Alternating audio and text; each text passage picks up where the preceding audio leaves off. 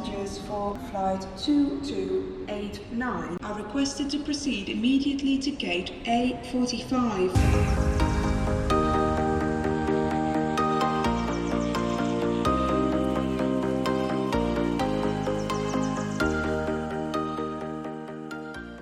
Hey allemaal, welkom bij een gloednieuwe Reis te Brei podcast.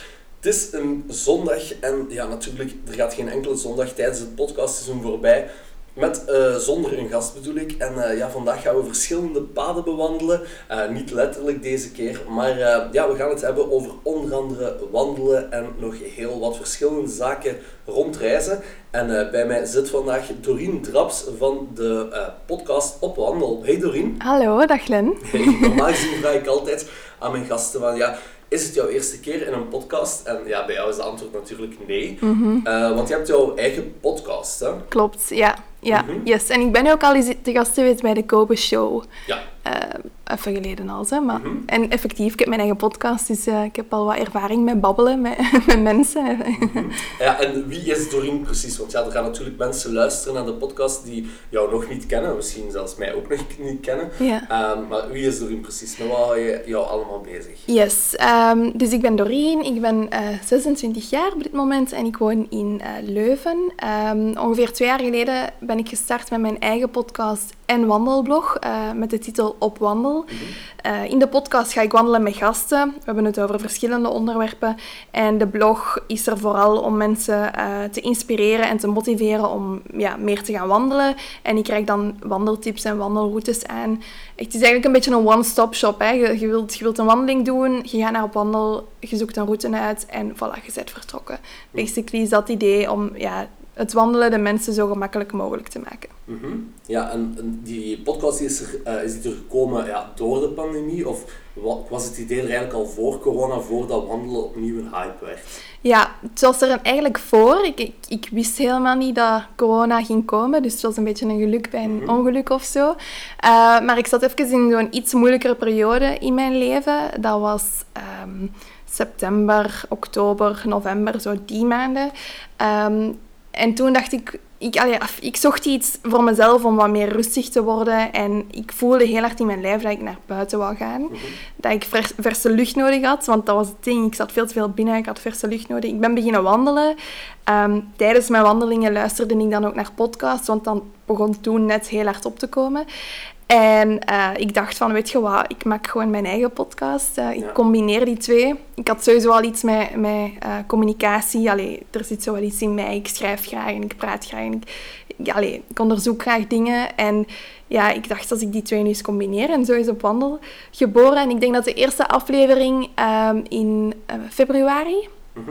januari, februari online is gekomen. En ja, in maart was het eh, lockdown. Ja. Dus, eh, iedereen aan de slag met jouw podcast. ja, klopt. Onderweg. Ja, ik had dat nooit verwacht. Ehm, ik denk dat een deel van het succes tussen haakjes, of eh, dat dat ook wel aan corona ligt. Hè. Veel mensen die naar buiten moesten, die inspiratie zochten om te wandelen en die dan wel bij mij terecht konden. Dus dat was wel fijn. Ja, nu al jouw wandelingen, eh, gaan die, eh, spelen die zich af of gaan die door liever in, eh in Vlaams-Brabant, van waar jij afkomstig bent, of gaat dat gewoon het hele land door? Ja, het is dus zeker zowel in Vlaanderen als in Wallonië, maar ook in het buitenland. Dus ik probeer echt de verscheidenheid van wandelen te tonen en de verschillende type wandelingen en hoe mooi dat eigenlijk alles op zijn eigen unieke manier is. Dus ja, Vlaanderen, waar ik woon in Leuven, maar ook alle andere provincies, eh, Wallonië, zoals ik al zei. Ja, het is een mix, het is een gezonde mix van van alles, zodat er ook voor iedereen wel iets, eh allee, iets dicht bij de deur is om in, in, in contact te komen met wandelen. Was er zo eh, een aantal plekken die je zegt van ja, kijk, oh, daar was ik echt wel van ondersteboven. Dat Ja. vond ik echt fijn.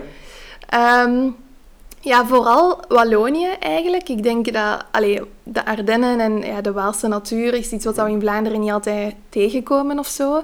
Eh, dus je hebt daar ehm, de Vallei van de Warsche bijvoorbeeld. Je hebt Oeren in de Oostkantons. Dat zijn allemaal gebieden die ja, voor mij toch heel natuurlijk aanvoelen met grote dennenbomen. En, en ja, zo wat die verlatenheid. Zelf Oeren is zo'n beetje de allures van de Vogezen al, vind ik. Dus je voelt je snel in een ander land. En dan in Vlaanderen was ik vooral heel aangenaam verrast door de Kempen, Kanthoutse Heide.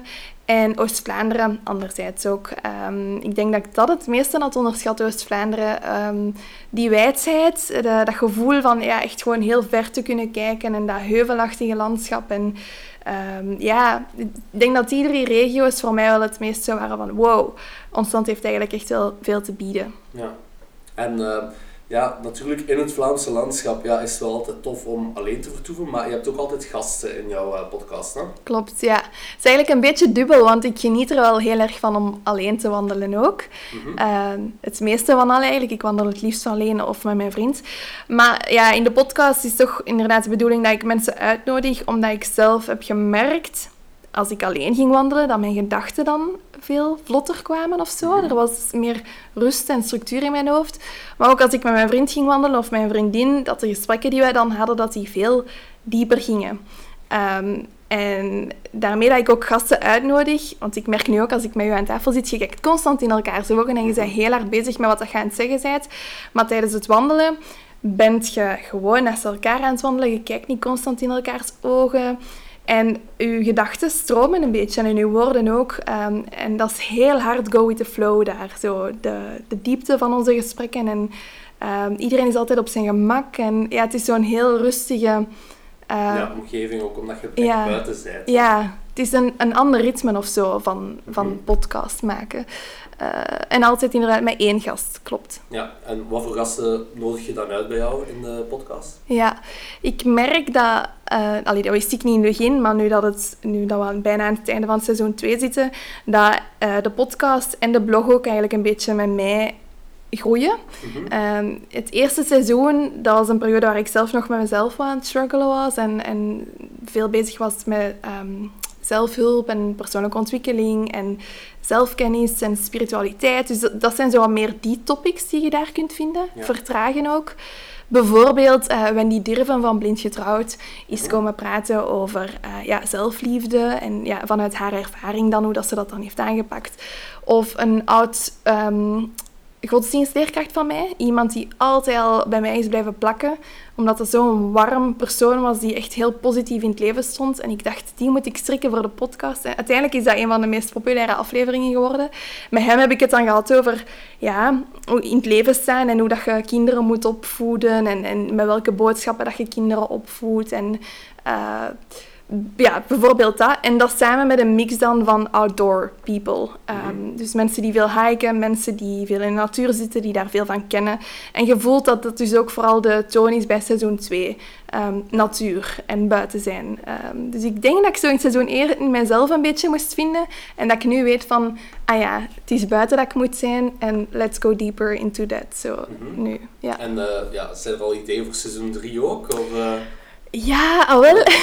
daarop wilt? Ik weet het nog niet. Ik, ik moet eerlijk zeggen dat ik ehm, nog niet zeker ben of ik een seizoen 3 ga doen. Ah, ja. Ehm, waarom? Omdat op wandelen is, is aan het groeien, merk ik. ik. Ik voel dat ik er ook veel meer mee wil doen, dat er een hele wereld in zit.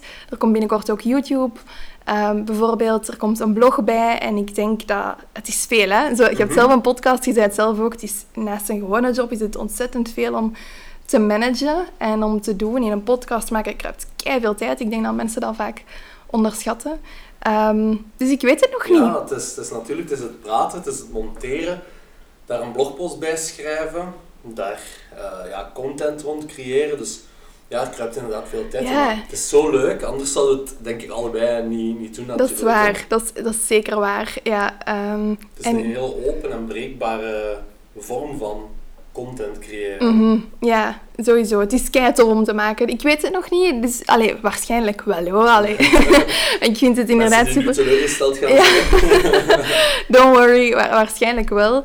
Ehm, maar ja, ik denk wat het dan gaat zijn en hoe precies, dat, dat, dat zien we dan wel. Ja, sowieso. eh, mensen mogen jou eh, sowieso gaan volgen. Hè? Yes. Dan gaan ze al op de hoogte blijven. Ja, mensen hebben hier in de podcast al boeken gereleased en zo, dat nog Is het was. Dus je mag hier alles zeggen, dat wordt pas later, eh, pas later online gezet. Wanneer Dus, gaat deze verschijnen? eh, ergens vanaf september. ah ja, oké. Dus maar de, de volgorde van de, van de opnames, dat kan nog, kan nog een beetje alle kanten uit. Maar kijk, Oké. Ehm, voilà, ja, ehm, je zei het net al, hè, het is niet enkel de podcast, je bent ook met andere zaken bezig. Mhm. Eh, ik heb ook gezien dat je onlangs een, eh, een soort van kaartspel op de markt hebt gebracht. Ah, ja. Het is niet echt een spel, het is eerder, ja, je kan, je kan het waarschijnlijk beter vertellen dan, dan Ja. dat ik dat kan. Hè? En, eh, ja, dus wat ik heb gelanceerd of wat ik heb uitgebracht zijn de verbindingskaarten, de opwandelverbindingskaarten. Heel lang getwijfeld over die naam, want verbinding klinkt voor heel veel mensen waarschijnlijk super fluffy en super spiritueel. Maar ik denk dan van nee, wij vinden dat een super spiritueel woord, omdat wij daar een... Ja, because we don't use the language, maar dat moet er wel in komen en dat is eigenlijk een heel gewoon normaal woord. Ehm, verbindingskaarten. Het idee was vooral, zoals ik daarnet zei, als je aan het wandelen bent, je gesprekken gaan echt op een totaal ander niveau. Veel dieper, ehm, je bent veel dichter bij jezelf. En ik wou van dat moment en die opportuniteit van jij die in je wandelsfeer bent, gebruik maken om nog wat dieper te durven gaan graven. Eén stukje. En het andere stukje is dat ik ook wel hoorde dat veel mensen zich vaak verveelden tijdens wandelingen. Ze vonden het saai. Eh, of als je met vrienden ging en je hebt je vrienden al... Ja, allee, tijdens corona zeker, dat is het enige wat mensen deden, samen wandelen. Je hebt niks meer om te vertellen. Ik dacht van, ja, maar kijk, wat als ik nu eens een set maak met daarop kaarten, ehm, reflectievragen en opdrachten, die dat je tijdens je wandelingen kunt doen. Zowel alleen of in- als in groep. Eh, dus ja, I did that. nee, er zijn drie thema's. Ehm, verbinden met jezelf zijn meer ja, reflectievragen om dieper te graven. Persoonlijke ontwikkeling. Verbinden met je omgeving is meer zo maatschappij en je verhouding tegenover de maatschappij. eh, en hoe dat alles in elkaar zit. Dat is trouwens ook een topic dat wel vaak eh, terugkomt in, in de podcast ook. Ehm, zodat je wat kritischer kunt reflecteren over alles. En dan de derde, het derde thema is verbinden met, je, met de natuur. En dat zijn meer opdrachten. Ehm, ja, omdat wat ik heb geleerd door te wandelen is vooral opnieuw gaan kijken en rust vinden in wat er allemaal al is hè, en, en hoe mooi de natuur is. En die opdrachten zijn daar een beetje voor gemaakt, met dat in het achterhoofd van vertraag een beetje, kijk rond u, neem het allemaal in u op Ehm, en allee, wandel echt en kijk rond u en Ja. cross niet gewoon uw route af. Zoiets. iets doen ook met de prikkels die dat je onderweg tegenkomt. Voilà, ja. ja. Nu, over dat tweede thema dat je zei, inderdaad, hè, van je plek zoeken en vinden in de Mm. maatschappij en zo, is wel iets interessants, want ja, we hadden met de vrienden uiteraard ook een wandelclubje op, op zo'n zondag. Is het waar, Ja, ja? we gingen echt iedere, iedere zondag bijna gaan wandelen. En wat was de naam van de club? Eh, gewoon ja, het, het wandelclubje bij ons, heel basic. Maar dat was echt precies, ja, dat was dan, we vertrokken dan ergens ja, rond de middag op zondag altijd. En dat was eigenlijk precies zo de zevende dag. En wij bespraken dan ook zo alle nieuwsfeiten van de week. En. Bijvoorbeeld, ja. Het is ook super interessant om, om ook te weten te komen, ja, hoe staan mijn vrienden tegenover zo'n Mhm. zaken die in de wereld gebeuren. En ook uiteraard verschillen van mening in sommige punten, maar dat is wel, kan wel interessant zijn. Tuurlijk. En bijvoorbeeld met één kaart, Pieter en ik, mijn vriend dan, en dat was, dat, dat was geen, dat was geen eh, maatschappijkaart, maar innerlijke kaart, waren we al meer dan 45 minuten bezig. En we waren eigenlijk nog altijd niet uitgepraat. Dus het zijn echt dingen die je triggeren om, om elkaar te leren kennen en elkaars visie ehm, te zien en zo dus te verbinden. Hè. ja. Ja, en ehm, ja, de verkoop ging goed, zei ik ook op, jou, op jouw eh, socials. Ja, ik moet zeggen dat ik daar wel... Allee, ik heb nog veel stok. Er zijn er nog. Misschien in zijn er nog. niet meer, hè? Ja, misschien niet meer, inderdaad. Ehm, maar ja, op een maand tijd heb ik toch eh, 120 stuks Ja, verkocht. dat is mooi, hè?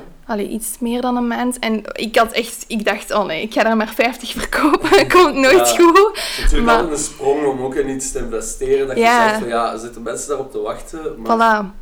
Want het, ding, het is wel spannend, want allee, ik doe maar wat eigenlijk, eh, op mijn buikgevoel een beetje. En ik had zo, ehm, de dozen waren aangekomen van de verbindingskaart en ik had op Instagram gezet van oké, raad eens wat erin zit. Mhm. veel mensen hebben geraad, maar er was maar één iemand die het juist had. En al de rest had zo totaal andere dingen. En ik dacht, oh nee. wat was het zotste dat iemand dacht dan? Ja, niet echt zotte dingen, maar vooral ja, wandelkleren bijvoorbeeld. Of een, eh, of, een, of een boek met mijn eigen wandelroutes. Zo van die dingen. Maar dus totaal geen verbindingskaart. Of, of Ja, ja. kaarten met opdrachten. En ik dacht, shit, niemand zit hier op te wachten. Maar ik denk net dat dat... Allee, het feit dat niemand erop op te wachten zat, dat dan net het, het, ja, het leuk maakte of zo. Ja. Oké. Eh, ja, inderdaad. eh, ja, super interessant natuurlijk. Lijkt me echt allee, heel fijn ook om mee te nemen Mm. eh, op jouw tochten. Nu, ja, eh, die wandelen, wandelen wandelen is eh, tijdens corona natuurlijk eh, nog meer gaan, gaan boomen. Ik kan me Mhm. herinneren als vroeger als kind, mijn ouders die zaten in een wandelclub en gingen ook traditioneel elke zondagochtend gaan wandelen. Is waar, ja? Ehm, niet, had, had jij dat ook zo met, met jouw ouders, dat je zoiets had van... Nee. Nee, totaal niet. Ehm, ik ben eigenlijk altijd een groot binnenkind geweest. Ik Mhm. zat echt altijd gekluisterd aan mijn laptop en ehm, ik speelde keihard de Sims. Ja. Dat was echt... en op een gegeven moment heeft mijn mama tegen mij gezegd, toen ik eh 14 was ongeveer, denk ik, van kijk, Doreen, als je vanaf nu zondag niet naar de Giro gaat, Mhm. dan gooi ik je computer weg. Dus dat was een Dan deel. zit je eigenlijk met tegenzin naar Ja. gegaan. Met tegenzin naar de Giro gaan. Ik had wel geluk dat een van mijn beste vriendinnen in dezelfde groep zat waar dat ik zat. Maar ja, ik zag... Allee, ik had echt geen zin in de Giro. Ehm, maar bon, kijk, uiteindelijk ook hoofdleidster geworden daar en drie jaar leiding ge- geweest. Dus allee, dat is wel een heel groot deel van mijn leven eh, geworden, waarvoor ik mijn ouders ook heel erg dankbaar ben. Ehm, dat ze mij toen toch gepusht hebben. En het is ook daar, in de Giro, ehm, dat ik ook dat contact met het buitenleven wel heb eh, beginnen maken. Voor, Mhm. voor de eerste keer in mijn leven. Maar, dus nee, mijn ouders deden dat niet. En eh, we gingen altijd op vakantie in all-in hotels en zo. En ehm, ik denk dat ik ja, tot in de Giro nog nooit echt in een tent had geslapen. Ja. Ja. het is wel zo, inderdaad, in jeugdbeweging krijg je ook wel echt veel voeling met zo het, het buiten zijn en het Ja. hiken en zo. Ehm, want ik, ik ben zelf een KLJ'er, dus Mhm. ik heb, eh, ik heb tot zeven jaar geleden denk ik in een KLJ gezeten. Ben ik Ja. gestopt omdat het werkleven begon Mhm. en dan ja, ging dat niet meer. Ehm, maar wij gingen ook zo bijvoorbeeld op kamp, zo twee dagen op tweedaagse. Mhm. Gingen wij zo ja, 80 kilometer doen op twee dagen. Echt Oh al, al wandelend in gro- kleine groepjes van vijf. En we vonden het altijd leuk omdat we dan ja, een slaapplek moesten zoeken bij Mm, ja. locals. En we, we kregen geen eten mee, wij, wij moesten dan alles zo doen. Dus dat was ook echt ja, heel teambindend. En dan ook zo, leuk om gewoon te gaan kijken bij locals en dan om terug op de kampplaats te komen. Ja, we hadden een zwembad hoor. Ja. Effectief, ja. Ja. ja. Om zo wat te stoeven tegen de andere groepen, wat dat, je, wat dat, allee, wat dat bij jullie leuk was. Nu, ik moet toegeven, ik heb zo'n tweedaagse gedaan ook. En dat was 30 kilometer op één dag toen. Dat was de hel. Ja. Dat was de hel. Maar ik denk voor mij was die clash tussen wat ik altijd had gedaan en dat binnenzitten, tot ineens naar Giro en in een tent. En ik wou dat al helemaal niet. En ineens doe je dingen die je nog nooit in je leven gedaan hebt. Ehm, ik denk dat ik even door die pijn moest of zo. om dan nu te zijn waar, Ja. ik, waar ik vandaag En ben. jullie sliepen ook een heel kamp in tenten. Eh, nee, we hadden wel altijd een gebouw. Ja. Ehm, dus de kleinste die sliepen dan binnen. Eh, de kookploeg zat ook binnen. Mhm. Ehm, ja, een beetje een veredelde scout. En er is, er is een reden waarom scouts altijd op Giro best. Maar eh, allee, ik heb wel altijd buiten geslapen, ja. Ja, oké. Eh, ja, die, sowieso jeugdbeweging. Ja, ik denk ook dat je daar zo een beetje de eerste stappen zet, Mhm. inderdaad. In, in eh, het u, uw eigen weg gaan of u, uzelf vinden en uzelf ook creëren. Want ja, dat draagt sowieso bij aan de persoon die dat je bent, denk ik ook wel. Ja, Ehm, heeft dat ook zijn, zijn uitstraling gehad naar, naar hoe dat jij bijvoorbeeld bent gaan reizen?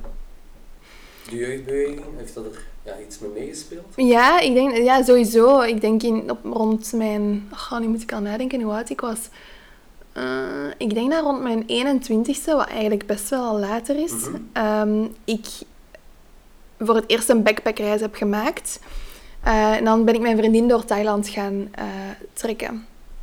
Ehm, en dat, dat is dat meisje van in de Giro, dus mijn beste vriendin. Ik denk dat, Ja. omdat zij dat wel al deed en zij had daar vertrouwen in, dat ik daar ook wel vertrouwen in kreeg. Ehm, de tussenperiode, dus tussen de all-in hotels en die backpackreis, was meer zo'n keer met een, een reisorganisatie naar zo'n marginaal feest. Costa Blanca. Voilà, zoiets. Eh, ik denk, wij, wij, doen, wij zaten toen in Sunny Beach of zo, in Hongarije is dat, als ik me niet vergis. Super marginaal, of zo, het Balaton meer. Ja, ja. Zo. Maar ook zo wel in groep, zo, ook wel wat kamperen, maar zo nooit echt zo de freedom dat je ervaart ook als je backpackt. Ik denk dat zo, dat was zo wat de evolutie, ja. Maar je zei net, hè, backpacken op je 21 is oud, maar eh, ja, ik denk ja, mijn eerste backpackreis echt zelf volledig alleen was ook naar Thailand. Dat was in 2017 denk ik. Zit Ah, er ja. vier jaar terug, nog maar in kort 30 binnenkort. Oké. Dus op mijn 26, dus ik vond dat ook nog wel oké. Ja, ja, voor mij, en dat is ook het ding wat ik bij wandel zo probeer te zeggen ook. Ehm, ja, je hebt zo de mensen, de outdoor people en de mensen die veel backpacken. Je voelt soms alsof dat je daar niet echt bij hoort of zo. Je moet al bepaalde dingen op je kerfstok hebben om te kunnen zeggen dat je ook dat type reiziger bent. Allee, dat is een gevoel waar ik mee zit zo. Mhm. Ehm, Ja, ik denk vaak dat mensen dat wel zijn, maar dat ze dat niet willen toegeven aan zichzelf. Of dat mensen gewoon het niet weten dat ze het leuk gaan vinden. Voilà, ja. Maar het, het lijkt zo wel een, een, een totale wijsheid zo, tussen de mensen Mhm. die backpacken en de mensen die het niet doen. En precies alsof iemand dat backpack nooit kan genieten van een vakantie aan het zwembad of omgekeerd. Snap Ja. je zo? Daarmee dat ik heel voorzichtig zeg van... ehm, nog maar toen ik 21 was, maar eigenlijk inderdaad, who cares? Je hè? moet inderdaad gewoon, eh, ik denk, een een mooie balans zitten. Ook als je zegt van ik wil ver gaan reizen, Mhm. is sowieso, vind ik het makkelijker en interessanter om eigenlijk te reizen met een rugzak. Omdat als je zo'n heel grote valies meesleurt, dan denk ik altijd van, ja, dat is lastig, want Ja? je hebt dat altijd vast Mhm. en de rugzak hangt er op je rug en je gaat gewoon. En je, hebt het, ja, je voelt het wel hangen, maar je denkt van ja, ik heb het niet bij. Ja, dat is waar. Het is, het is meer een deel van u of zo, hè? Die- Ja, Zo'n rugzak. Het maakt u een beetje flexibeler. Ja. En je springt rapper met, ik zeg maar iets, als u een trein binnen een minuut vertrekt, je springt rapper met een rugzak op, Op, een trein ja. dan, eh, dan eh, een valies. Ja, dat is echt wel waar eigenlijk. Zo heb ik daar nog nooit naar gekeken. Alhoewel dat als je echt zo naar all-in dingen gaat, een valies wel veel makkelijker is. Want dan moet je dat gewoon openleggen en dan Ja. pak je gewoon uit wat je nodig hebt. En terwijl in zo'n backpack moet je echt vaak al zitten graven. Ja, en dan wordt snel zo'n zootje. Maar er bestaan ook goede backpacks. Hè. Ja, ik ga niet te veel reclame maken voor backpacks, maar ehm, nee, ja, sowieso ook van die backpacks met zo twee vakken en, Ja. en dat is handig. maar zelfs dan, ik ben zo'n mega goud die dat Ja? dan ja, overhoop haalt. Is het Maar- altijd, oké, ik moet al mijn vuile kleren in een compartiment steken Ja. en dan moet ik dat naar- gaan wassen, dat, dat ik dat dan weer proper heb, want anders ja, heb je gewoon geen kleren meer. Nee, maar en die structuur in je backpack komt er toch ook pas na drie of vier dagen of zo. En je Ja. moet toch eerst wel zoeken, hè. En dan... Allee, bij mij is dat toch Maar ik eerst ben wel wel echt zoeken. heel uitgestructureerd. Is het waar? Ja. Dat is zo de, Jij denkt de- al, oh my god. de plannetjes zo, op mijn gsm zo allemaal herinneringen bijhouden van dat moet ik opletten, dat moet ik zeker niet vergeten. Allee, dat mag ik niet Ah, vergeten. ja. ja, ja, toch wel. Is, bent je dan gestresseerd als je zo reist? Nee, dat geeft me net rust. Mm, Ik weet altijd, overal, wat ik ga doen. Ja. Ik, kan, ik kan nu zeggen van, mijn agenda, ik kan die met mijn ogen dicht tot het laatste dat erin staat. Echt? Ja, Wauw. Dat is zot. ja ik schrijf het zo op mijn, op mijn kalender, ik zet het in mijn gsm, ik zet het in mijn Google-agenda, dat, dat staat overal. En door dat gewoon drie, vier keer te doen, weet ik gewoon mijn planning helemaal van buiten. En ga ik bijna nooit dubbele boekingen hebben. Amai, en ik dacht dat ik gestructureerd was.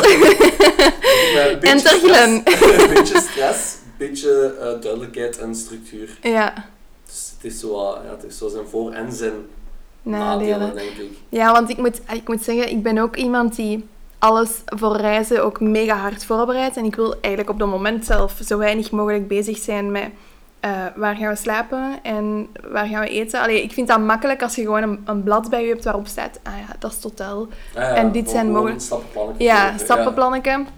Dat brengt rust. En anderzijds, dan niet hebben, brengt ook zoveel vrijheid of zo. Mhm. Het is, ja, Ja. het is Nu, moeilijk. Dat laat ik dan weer wel helemaal los. Ja? Ja. Ik doe zo het praktische, dat plan ik allemaal. Ja. En dan zo de invulling. Dus bijvoorbeeld, ja, eh, stel je bent aan backpacken, je wilt een slaapplek zoeken. Mhm. Dat laat ik zo helemaal los. Ja. Omdat ik dan zo denk van, ja, ik vind wel vandaag iets voor vanavond. Mm. Of ik vind vandaag wel iets voor morgen. En dat is mij nog nooit mislukt. Ik heb altijd al een slaapplek gevonden. En ik denk ook dat die dingen ervoor zorgen dat je meemaakt, hè, dat dat eigenlijk creëert dat je bijvoorbeeld mensen tegenkomt op je pad, dat Mhm, je dat leert kennen. En, eh, want eh, ze, ze, ja, nu, ze hebt geen relatie natuurlijk, maar gaat je ook nog alleen op reis echt? Ik heb dat nog nooit gedaan. Ah ja, Ehm. Het is heel grappig, want op allee, de Iceland Trail waar ik nu naartoe ben gegaan, dus eh, een wandelroute in IJsland Mhm. die we hebben gewandeld, ehm, waren er heel veel solo-travelers. En ook met die mensen daarover gesproken. En die ook zeiden van, dit is echt fantastisch. Ook al hebben die een partner of, Mhm. I don't know, die doen dat toch nog alleen. Omdat ze vinden dat dat zoveel extra waarde heeft. Maar ik moet eerlijk zeggen dat ik het denk ik niet durf. Ja. Ja, Maar dat ga je natuurlijk pas weten, denk ik, als je het ooit eens gedaan gaat hebben. Mhm. Want zwaar. ja, alleen reizen, ik vind dat echt het fijnste dat er is. Ja, jij ook al. Ja, omdat je echt tot jezelf komt. Hè. Het is dat misschien waar ik schrik van heb, ik weet het niet. Ja. Ja.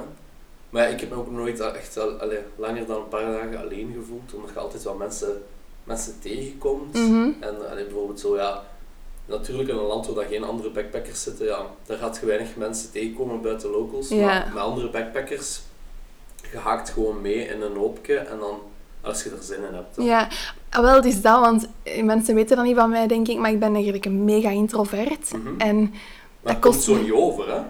nee, maar Lijkt dat kost mij wel kei veel moeite, Moeite, ja. zeker als ik dan alleen op reis ben, om echt zo mensen te gaan aanspreken en, en allee, ja, moeite moeten doen om je niet alleen te voelen. Ik, dat, ja, dat, ik denk dat Ja. dat vooral mij, mij afschrikt. Zo. Maar bij mij, ja, ik weet niet, ik kan alleen maar spreken natuurlijk uit Ja. wat ik mee, mee heb gemaakt, Mm, is dat het allemaal zo heel spontaan kwam. mm, En ik kwam, ik weet nog, ik stap van een, een nachtbus af in een hostel, kom daartoe, die gast die in dat hostel werkte, die zegt van ja, we gaan vandaag eh, langs de watervallen, gaat je mee?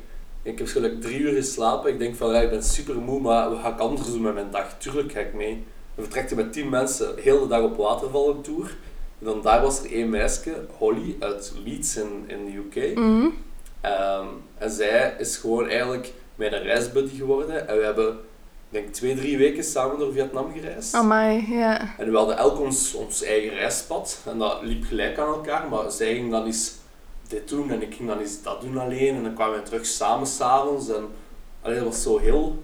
Iedereen doet zijn eigen ding, maar we zijn wel samen. Ja, gaat toch iemand vanaf het begin eigenlijk, ja. Ja, en dan een beetje verder is dat er nog Max uit Parijs bijgekomen. En dat was er zo, ja, zijn Engels is echt super slecht, mijn Frans is echt super slecht. En we zaten daar echt zo, ja, precies of het was een goede mop. Zo, de. Belg, de Brit en de, de. Fransman. De Fransman, ja. Dus dat was, dat was heel raar. Sounds fun. Ja, wel, maar ja, zo die dingen, dat mag van mij echt wel gaan terugkomen. Want ja, Mm. ik weet niet wat, wat uw perspectieven zijn, hè, dat je zegt van ja, voor 2022, Ja, daar zou ik wel eens naartoe willen. Ja, goh, ah, wel, maar zo met de opkomst van TikTok en zo natuurlijk. Mhm. Heel veel mensen die ik nu volg, die zo in Washington, British Columbia, in Amerika Mhm. zitten. En daar zijn prachtige natuurparken. Dat is echt, Ja. dat is niet normaal hoe mooi dat dat daar is. Dat is niks in vergelijking met wat dat we hier hebben. Rest was nog, ja, Oost-Vlaanderen is echt Ja. ja. mooi, hè, jongens. Zodat je dat ziet, Columbia. effectief. Eh, maar dat moeten we wel behouden. Dat Blijven Ja. verwonderd zijn over alles wat er is. Maar dus, ja, zo ehm, nationale parken doen in Amerika. Mhm. Dat is echt mijn droom. Dat zou ik, als ik dat zou kunnen doen, een paar in allee, volgende zomer of zo, dat zou fantastisch zijn. Ja. Ja, ik denk dat dat. Maar ik zeg het, ik durf niet te veel hopen, want wij gingen normaal vorig jaar naar Schotland en Ibiza, beide Mhm. gecanceld. Dit jaar gingen we dan eh, IJsland doen en dan Frankrijk. IJsland ging bijna gecanceld zijn, toch doorgegaan. Maar hoeveel stress dat daarbij komt van zo niet weten of het doorgaat of niet. En Mhm. Je hebt dan zoveel tijd in die voorbereiding gestoken, want dat is misschien ook wel iets waar dat we het straks over kunnen hebben. De voorbereiding, dat kruipt in een wandelreis, dat is echt bijna even lang als de reis zelf, of langer zelfs. Ja. Dus je leeft daar echt naartoe. En het moment dat dan corona zegt van, ah ja, nee, het gaat niet door, of het Ja. gaat misschien niet door. Ah ja, ik heb, ik, ik heb echt eh, die week nodig gehad om te recupereren van de stress voor die reis. Ja, dat zal wel. ja. Ja, dat is wel echt... Maar, dus ja, dat zijn zo mijn vooruitzichten, maar we hebben nog niet echt plannen. En jij? Ja, mijn plan of droom is eigenlijk om volgend jaar, in 2022, als het terug echt, echt mag en Mhm. kan, voor naar Sri Lanka te gaan voor een maand. Ah, mooi. Ja. Ja. En dan gewoon een tuk-tuk te, te huren en Ja. daar gewoon heel Thailand mee, mee rond te trekken, een maandje. ja. Dus ja, ik ben dit jaar nog een beetje zo vakantie aan het sparen, die ik dan mee overzet naar volgend jaar. Ja. En dan, eh, maar we zien wel. Komt het niet in 2022, dan is het misschien. Want ik wil ook zo graag terug eens naar Thailand. Dat is al Ja, echt? zo lang geleden. Ja, ik wil er echt terug naartoe. Ik ben er echt mijn hart verloren. Amai. Ik heb ook Dat altijd gezegd, als ik op pensioen ga, ga ik in Thailand gaan wonen. Serieus? Ja, ik vond dat zo, zo fijn. Amai, dat is toch raar hoe dat mensen totaal andere ervaringen kunnen Ja, Nee. geen Thailand-fan. Ja, ik vond dat wel tof, maar... Ja, nee, niet mijn land, denk ik. Ja. Nee. Zeker Bangkok niet. Ik heb, allee, pas op, ik heb me daar keihard geamuseerd. Ja. Hè, en toffe dingen gedaan. En vooral Chiang Mai vond ik echt heel tof en zo. Mhm. Maar nee. Ja, het noorden is natuurlijk wel, eh, ik vond het noorden ook wel, ehm, hoe moet ik het zeggen, meer eh, grijpend dan het zuiden. Uh, Maar het zuiden, het, ja, Phuket en zo. ja. Ja, Phuket was gewoon tof voor mijn verjaardag en daar gewoon wat te feesten en te fuiven. Toen was ik nog een paar jaar jonger, toen, toen kon ik nog fuiven. Nu kijken mensen al als ik ergens binnenkom. Mhm. Is dat? Nee, natuurlijk Ah. niet. Ik denk dat altijd dat zo is. Ehm, maar ja, nu ja, zoveel ga ik niet meer fuiven. Hè. Mm. Ik denk ook die corona heeft er echt voor gezorgd dat ik meer zo wijnliefhebber, een wijnliefhebber op een terrasje geworden ben. Exact dat, ja. Zo, ja, vijf hoeft niet hoor. Nee. Ja, ja, nu binnenkort ja, komen nog zo festivals en zo aan. Het gaat toch wennen zijn. Zo, Ja, om, sowieso. eh, Om, terug. Oké, maar ja, we gaan eh, terug naar eh, waar dat we waren. Yes. we zijn een beetje, een loop, beetje afgeweken. Ehm, dus ja, nee, Thailand ehm, was, was niet zo jouw ding. Mm, Ehm. Zijn er dan nog andere, eh, buiten nu de, de Iceland Trail die je gedaan hebt, gaan we het straks eh, nog over hebben. Maar zijn er nog andere echt specifieke wandelvakanties dan die jij gedaan hebt? Het ding is dat ik... ehm, het, het echt zo dat wandelen en heel actief zijn op mijn vakanties, hè, zoals ik al zei, heeft een evolutie Mhm. doorgemaakt. En toen ik dan Pieter, mijn vriend, leren kende, ehm, dat was na die backpackreis in Thailand, ja, klopt. Hij had dat wel van thuis uit mee. Die actieve vakanties. En op een camping slapen en van daaruit dagtochten doen. Zo van die Mhm. dingen. Dus dan, dat is in het begin een clash geweest tussen ons om te zoeken van hoe pakken we dat aan. Ehm, maar hebben we wel prachtige reizen gemaakt. Zoals eh, met de auto van België naar eh, Montenegro, helemaal het zuiden, tegen de grens met Albanië en terug. En ook daar eigenlijk altijd dagtochten gedaan in Slovenië, ehm, in Bosnië, in Montenegro zelf. Ehm, en daar echt dan, allee, wandeldagen waren dat dan zo. Hè. Gewoon s ochtends vertrekken en s'avonds terug. Ja. Ehm, Canarische eilanden kun je ook super mooi wandelen. Tenerife, Lanzarote eh, en La Palma hebben we toen gedaan. Dus als je iets zoekt voor dichtbij, daar kun je ook echt prachtige wandelingen maken. Van bos tot kloven tot valleien. Echt heel uitgebreid. Ehm, en in Montenegro, waar ik het dan net over had, heb je ook één groot nationaal park, Durmitor heet dat. Eh, je kunt daar skiën in de winter, maar in de zomer is dat echt een prachtig berggebied om, eh, oh ja, om jezelf in te verliezen. Ehm, ja, kei schoon. Wat hebben wij nog gedaan? Het ding met reizen is, hè, ik vergeet dat altijd. Als ik zo nadenk over wat ik allemaal heb gedaan, dat is zoals vergeten wat dat je vorige week hebt gegeten. Zo. Mhm. Ik moet daar altijd over nadenken. Ehm, ja, ik vergeet sowieso dingen, maar dat is het eerste wat nu zo top of mind. IJsland hebben we drie jaar geleden ook gedaan. Eh, maar dan hebben we gewoon met de auto eigenlijk de ringroad afgereden. Mhm. Ehm, dat was twee weken met een camper en dan overal zo gestopt en op campings geslapen. Ook, ook een fantastische reis, echt Ja. een super aanrader.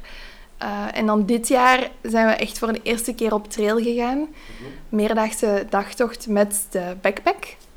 Dus eh, met de trekrugzak wandelen. En dat is, ja, dat zat goed. En ik weet dat ik dat nu nog echt vaker ga doen. Ja. ja, want je zei het er juist, hè. er komt heel veel kijken eh, bij het voorbereiden van zo'n reis. Mhm. Ja, hoe lang ben je ermee bezig geweest? Echt lang. Ik denk dat je zeker zes maanden moet tellen. En dat is veel, omdat dat de eerste keer was dat we zoiets deden. Ehm, en je bent vooral bezig met de voorbereidingen qua materiaal. Mhm. Ehm, in welke tent ga je slapen? Welke tent koopt? Want we hebben heel veel zelf gekocht. Allee, als niet alles. Dus je weet dat je daar een investering in maakt. En je wilt dan een goede investering maken. En vooral Pieter is dan zo iemand die mega hard opgaat in die kleine details. En Ja. ehm, zoveel mogelijk waar voor je geld. En enfin, hele research. Maar zes maanden, ja, niet gelogen. Misschien zelfs langer. Tent, trekrugzak, matje, kledij, ehm toiletgerief. Wat pakt je mee, wat pakt je niet mee? Ehm, en het voordeel was dat we dan met, met de Trail weg waren, dus mijn organisatie. Dus je moet dan niet zelf beginnen te gaan onderzoeken van hoe raak ik van de luchthaven naar vertrekpunt en wat zijn de etappes om te wandelen en zo. Dat is allemaal voor u geregeld. Dus wij zijn echt zes maanden bezig geweest met puur materiaal, basically. Ja. Ehm, het voordeel is wel dat je dat maar één keer moet doen. Want nu weten we dat voor de vol- ja. nu hebben we alles, nu kennen we ons materiaal. Ehm, ik denk wat er nu gaat volgen, waarschijnlijk mm, zoals we zijn, en wat er vaak gebeurt ook in de hiking community, dat je altijd voor lichter gaat. Mhm. Ehm, dus onze rugzakken waren nu, ik denk, bij mij 15 en bij Pieter 18 kilo. Wat Heftig. aan, ja, aan de redelijk zware kant is. Ook al vinden we dat we niet echt extreem veel mee hadden. Uh, maar ja, het doel is wel om zo comfortabel mogelijk te wandelen. Dus om een gewicht uh, zo laag mogelijk te houden. Dus waarschijnlijk gaan we wel naar dat type mensen evolueren die zo licht mogelijk materiaal eh, Maar zoeken. hangt dat er ook niet een beetje af? Hè? Een gewicht beperken voor je bagage, Mhm. naar, eh, naar lang het land waar je naartoe gaat. Ja, Ik denk dat dat ook serieus meespeelt, want ja, als je bijvoorbeeld naar een warm tropisch land gaat, zoals Thailand bijvoorbeeld, ja, dan komt je met 10 kilo wel toe. Tuurlijk. je maar ja, bijvoorbeeld bij u zat er hè? geen tent in uw rug. Allee, Nee, we hadden alles mee, ja, dus nee, eh, slaapzak, matje, tent. Allee, we hadden een deftige slaapzak, dat weegt al snel. Ik denk dat de onze een kilo en een half of zo weegt. Mhm. En uw luchtmatje, de tent zat dan bij Pieter, gas, gasflessen. Ja, ja, want je moet daar Ehm, koken. koken. allemaal, ja, dus echt, echt alles, alles, alles wat je nodig Je leeft uit je rugzak voor, Ja. voor die periode van de trail. Ehm, dus dat is nog anders dan backpacken, want dan Mhm. inderdaad heb je alleen je kleren nodig en, en je wasgerief. En je slaapt in een hotel of in een hostel. Ja. Eh, dit is echt volledig zelfvoorzienend Mhm. zijn. Ja.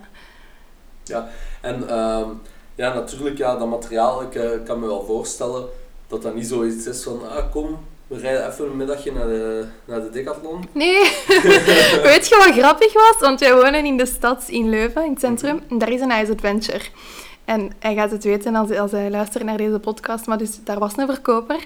Ehm, die, waar dat we dus de eerste keer bij waren, die super sociaal was. En echt, die sprak met ons en was ook een hiker. En, en die zei gewoon, weet je wat, kom gewoon op donderdagavond tussen 6 en 7 of tussen 6 en 8. Dan is het hier rustig, dan ben ik hier altijd. En dan neem ik de tijd om met u door alles te gaan. Mhm. En ik denk dat wij daar tien keer of zo zijn geweest. Dus elke week zaten we daar bij die verkoper. En- privéverkoop. privéverkoop. Shopper bij AZ Adventure. Effectief, zo was dat. Maar dat was kei leuk, want allee, wij deden dan onze research thuis. We gingen naar de winkel, we spraken met hem over al die dingen. En dan kochten we iets en dan kwamen we terug voor het volgende. En dat is ook echt een tip als mensen ehm, luisteren en die willen zo'n reis maken. Begin echt niet te laat, want je hebt ook niet altijd alles in voorraad. Soms moeten dingen besteld worden. Ehm, bijvoorbeeld onze tent, we hadden die gekocht. Pieter is dan gelukkig zo iemand dat, ehm, dat uittest direct. En dan bleek dat daar een productiefout in was. Ja. Dus tent moeten terugsturen. Pas drie weken later hadden we onze nieuwe tent dan weer. Snap je? Maar als je dat ziet, een week voordat je moet vertrekken, mm, dan heb je Ja, een probleem. een. Ja. Ehm, maar dus ja, tip, ga naar inderdaad een buitensportwinkel en laat je adviseren. Die mensen zijn super gepassioneerd ook om, om u te helpen. En ja, dat was super waardevol voor ons. Mhm. Eh, dus ja, af en toe een keer naar de Decathlon, af en toe eens naar de, naar de Nice Adventure. Allee, zonder... Ja, ja, Maar- zonder eh, reclame te maken. Ja. Dit zijn ook gewoon handige winkels. Ja, Ja. Ik koop dat ook mijn spullen als, Ah, ik, wel. als ik op reis ga. En blijkbaar ook de K2 en de Kampeerder in Antwerpen. Ik ben er Mhm. zelf nog niet geweest, maar dat zouden ook fantastische winkels zijn om eh, ja, voor zo'n tochten te doen. Een heel breed, breed gamma ehm, en ook toffe verkopers uit Gent. Mhm. Ja, voor toffe verkopers kun je altijd al een beetje moeite doen. Ja. om eens eens te gaan kijken. Ja. Nu, ja, sowieso ook, ja, hè, want je zei het al, je leeft uit je rugzak tijdens zo'n reis. Mhm. Ehm, ja, hoe, hoe moet je dat dan zien ja, bij, bij eten en zo? Wat eet je tijdens zo'n trail? Ja, hangt er ook inderdaad vanaf van wat voor trail je doet. hè. Dit viel nu eigenlijk wel mee. Wij wandelden 11 kilometer per dag. eh, twee keer 11 kilometer en twee keer 16 ongeveer. Wat Ja. echt meevalt. Ook niet zoveel hoogtemeters. Eh, want je hoogtemeters bepalen vaak hoe zwaar het is. Maar dat viel allemaal goed mee. Ehm, maar je moet wel veel eten, want je verbrandt veel meer dan wat dat je normaal verbrandt of op een normale vakantie, want je bent intensief aan het sporten. Ehm, wat hadden wij mee voor het eten? Dat zijn zo van die gevriesdroogde voedingszakjes, Mhm. waar dat je eigenlijk alleen maar kokend water bij moet doen. Ehm, je roer- roert daar eens goed in, je doet dat toe en je laat dat acht minuten staan. En dan heb je eten. Dat is gelijk Aiki noodles of zo, knor van zo knorpasta zakjes of Mhm. zo. Dit was van Adventure Food. Ehm, en dat, je hebt daar ochtendeten, je hebt daar middag, allez, lunch en diner en je hebt eh, dessertjes zitten daar ook tussen. Eh, en ochtendeten is dan een muesli bijvoorbeeld. Ehm, middageten zijn eh, pasta's of rijst met curry, eh, zo van die dingen. En dan dessertjes zijn chocolademousse of vanillepudding. En dat eet je drie keer per dag. Dus allez, je ontbijt, je middag en je avondeten. En tussendoor is het ook belangrijk dat je veel snackt. Dus dat hadden wij ook mee. We hadden zo van die zakjes, ziploc bags, afgemeten met ongeveer 1000 calorieën, denk ik, dat daarin zaten. En dat zijn eh, notenmix. Dus ja, zo studentenhaver of zo dat je koopt in de koolruit. Snickers, Mars en dadels zaten daar ook bij. Ehm, en dat, dat aten wij dan onderweg eigenlijk. Ja. Om, ja. Dus dat eet je. En je drinkt veel water. Je neemt Hadex waterdruppeltjes mee. Voor als je, vooral, zeker in IJsland kan dat perfect. Dat is allemaal gletsjerwater. Maar Hadex zijn zo... ehm, ja, dat is een beetje chloor of zo. Dat je water reinigt en dat de bacteriën doodt. Dus dat kun je gewoon water van de gletsjerrivier pakken. Ja, Even een Hadex-druppeltje in doen. Een half uurtje wachten. En en dan is het Ja, clear om te clear, ja. Ja, ik heb zo'n ik heb zo'n drinkbus. Ik Mhm. weet niet wel welk merk dat is, maar ze hebben mij die ooit eens, eens opgestuurd. En dat is zo'n drinkbus met zo'n filter in. Dat Ja. je eigenlijk gewoon je drinkbeker in de rivier kunt houden, bij Ja. van spreken. En je kunt gewoon echt water uit de schelde drinken. Bij Ja. Dat is raar dat dat kan, maar... Ja, dat is zot. Allee, omdat je dat zo mentaal is, dat zoiets wat dat precies niet, niet werkt. Dat is waar. Kan dat? En het, gek- ja, het gekke is, je, je bent dan aan het wandelen, wat dan even zo'n Hadex gebruikt, dat smaakt dan naar chloor, maar toch is dat zo'n lekkere water. Kan dat, Ja. ja. omdat je... Deels omdat dat gletsjerwater is en dat is heel zuiver allemaal. Maar anderzijds omdat je ook gewoon... Je bent moe, je zit in het midden van de natuur en alles wat je binnenneemt, komt zo anders binnen dan gewoon... Ik denk, wij drinken hier nu wijn en die wijn is lekker, maar geef mij dat op de trail en die, die wijn is honderd keer lekkerder. Dat is echt... Ja. Je waardeert aan dingen totaal anders. Dat Maar dat komt ook omdat je waarschijnlijk op die trail niet de mogelijkheid hebt om gewoon even in de winkel een fles te gaan kopen. Bijvoorbeeld, ja. Het onbereikbare ziet er altijd Ja, heel mooi uit. wat dat is, ja. Je hebt, Ja. je hebt die uitspitting. Je bent, je bent wel aan het afzien met zo'n rugzak. Ehm, en pas op, ik denk echt dat die trail die we hebben gedaan echt wel meevalt. Dus mensen, ik heb onlangs gesproken met iemand dat de PCT, de Pacific Crest Trail, heeft gewandeld. Ja, als je hem hoort vertellen, dat zijn weken aan een stuk dat die gewoon wraps met olijfolie eten. Ja, als die dan toekomen in een dorpje en die hebben daar een hamburgerketen, ja, dat is, dat is een festijn, hè. Dat is, Ja, dat die smaken, dat... Ik denk dat de, de kracht van wandelen en wandelreizen maken en die, die tochten doen, is dat je gewoon even heel fel terug naar zo back to basics gaat. Een simpel leven, Mhm. eh, weinig keuzes moeten maken. Gewoon, je hebt niet veel kleren mee, hè. je doet gewoon aan wat dat er in je rugzak zit. Het enige wat je moet doen is slapen, eten en wandelen. Dat dat je echt zo terug doet doorhebben hoe goed dat we het allemaal hebben. En, en en, hoe simpel het leven ook kan zijn. hè. ja, ja. Mhm. mhm. Ja. Ja. Nu, ehm, ja, zo die, die hele grote en bekende eh, trails, eh, je zei er juist eh, nogal over die, over die andere trail. Ja. Ehm, maar zijn er zo nog zaken die dat jij zegt van ja, oké, dat zullen echt nog wel trails zijn die ik mezelf ook nog wel zie doen? Mhm. De PCT wil ik sowieso graag doen. Dat is echt mijn droom. En liever nu dan morgen, omdat je hebt nu nog geen kinderen en zo. Mhm. Dus het is misschien een moment. Eh, je hebt de West Highland Way in Schotland. Schotland, die schijnt ook super mooi is en heel goed te doen. Ehm, de Kongsleden in Zweden. Eh, dat is ook een lange. De GR20 in Corsica. Zou ook super mooi zijn. Wel technisch en soms wel wat moeilijk. Tour du Mont Blanc. Maar het ding is, dat zijn die trails en die zijn heel populair natuurlijk. Wandelen wordt populairder, dat zijn bekende trails, dus daar is wel veel volk. En je kunt ook wel heel mooie natuurgebieden vinden, los van die populaire trails. Mhm. Ehm, en ik denk dat dat ook iets is wat ik de komende jaren ga onderzoeken. Van wat is er allemaal los van het populaire. Ja, als we nu in, eh, in België, stel, jij mocht een op wandeltrail maken in België. In België, Ja, moeilijk. zou je, zou je zeggen van oké, langs heel België, eh, langs de grenzen dan? Of, Nee, nee, dat niet.